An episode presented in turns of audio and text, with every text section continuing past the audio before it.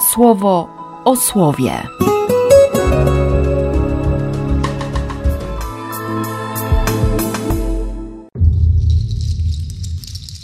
4 maja, wtorek. Z dziejów apostolskich. Tymczasem przyszli Żydzi z Antiochii i Ikonium i podjudzili tłum, także obrzucono Pawła kamieniami i wywleczono go poza miasto, sądząc, że już umarł. Gdy jednak otoczyli go uczniowie, podniósł się i wrócił do miasta. A nazajutrz odszedł z Barnabą do Derbe. Po przekazaniu temu miastu Ewangelii i po zdobyciu wielu uczniów, wrócili do Listry, potem do Ikonium i do Antiochii.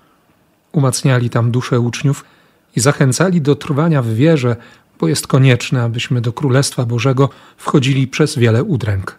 W każdym kościele wybrali im starszych i po modlitwie połączonej z postem powierzali ich Panu, w którego uwierzyli.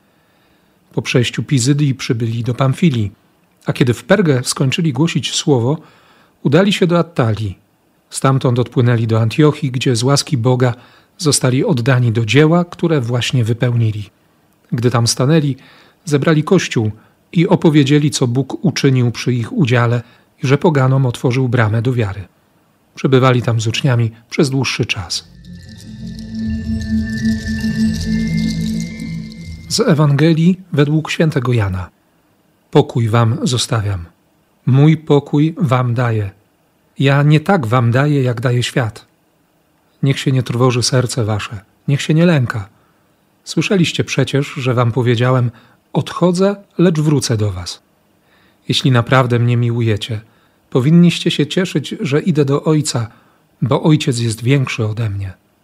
A teraz to wam zapowiedziałem, nim się stanie, abyście, gdy się stanie, wierzyli. Już niewiele będę z wami rozmawiał, zbliża się bowiem rządca tego świata, choć co do mnie, niczego on nie może. Lecz to w tym celu, aby świat poznał, że miłuje Ojca i że tak postępuje, jak mi nakazał Ojciec. Właściwie ciągle ten sam schemat. Paweł z Barnabą wchodzą do jakiegoś miasta, głoszą Ewangelię.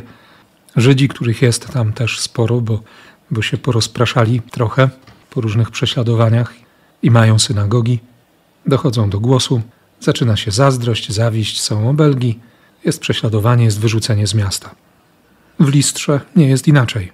Choć zaczęło się od dość spektakularnego uzdrowienia, człowiek, który nigdy nie chodził, stanął prosto na nogach, bo mu Paweł rozkazał. Jako, że patrzyli na to poganie, no to Barnaba Zeus, Paweł Hermes, jakieś ofiary, ale, ale na szczęście udało się ludzi powstrzymać. Tymczasem i z Antiochii, i z Ikonium przychodzą Żydzi. Już wiedzą, co się święci, bo przerobili temat głoszenia Chrystusa w swoich miastach, więc od razu przychodzą do kontrofensywy. I tłum, który dopiero co mówił, że to bogowie, to tych w cudzysłowie bogów chce uśmiercić. To bycie na fali, bycie na topie jest niesamowicie złudne. Na szczęście Paweł ma wytrzymały organizm i przeżył to kamienowanie.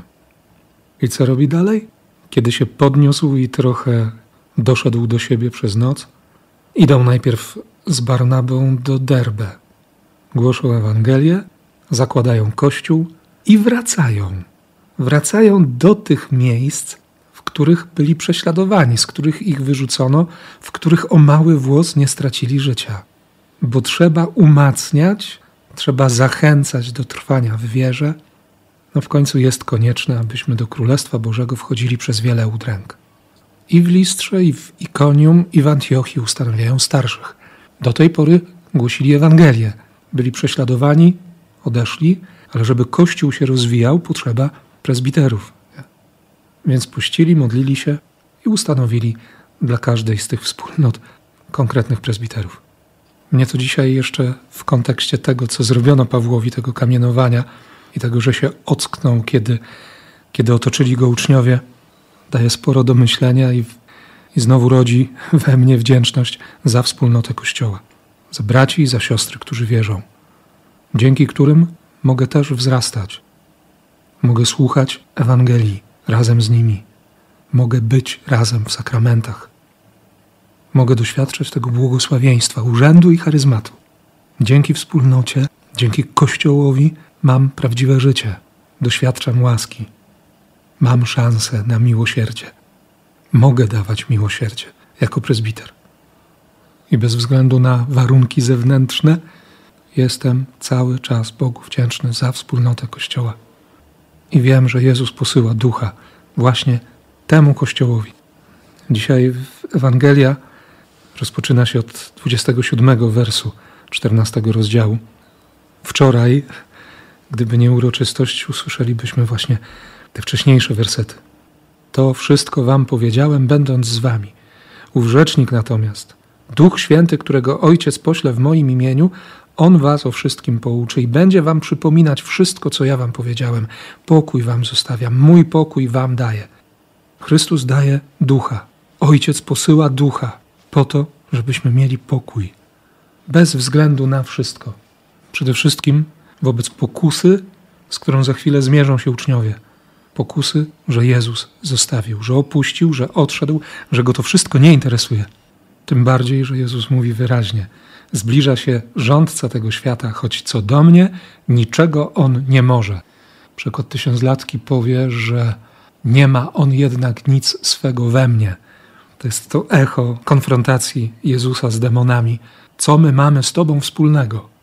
No nie ma punktów wspólnych, nie ma stycznych. Ale to tłumaczenie Biblii pierwszego Kościoła pokazuje jeszcze inną perspektywę, z trochę innego punktu pozwala spojrzeć. Rządca tego świata niczego nie może. To wszystko, co się wydarzy, jest, jest wolą, jest pragnieniem, jest konkretnym wyborem, którego dokonał Jezus. To jest wybór potwierdzony przez Ojca i to wszystko w tym celu, aby świat poznał tę miłość, aby uwierzył w zaufanie. I tego się właśnie uczę we wspólnocie Kościoła i za to Bogu jestem bardzo wdzięczny.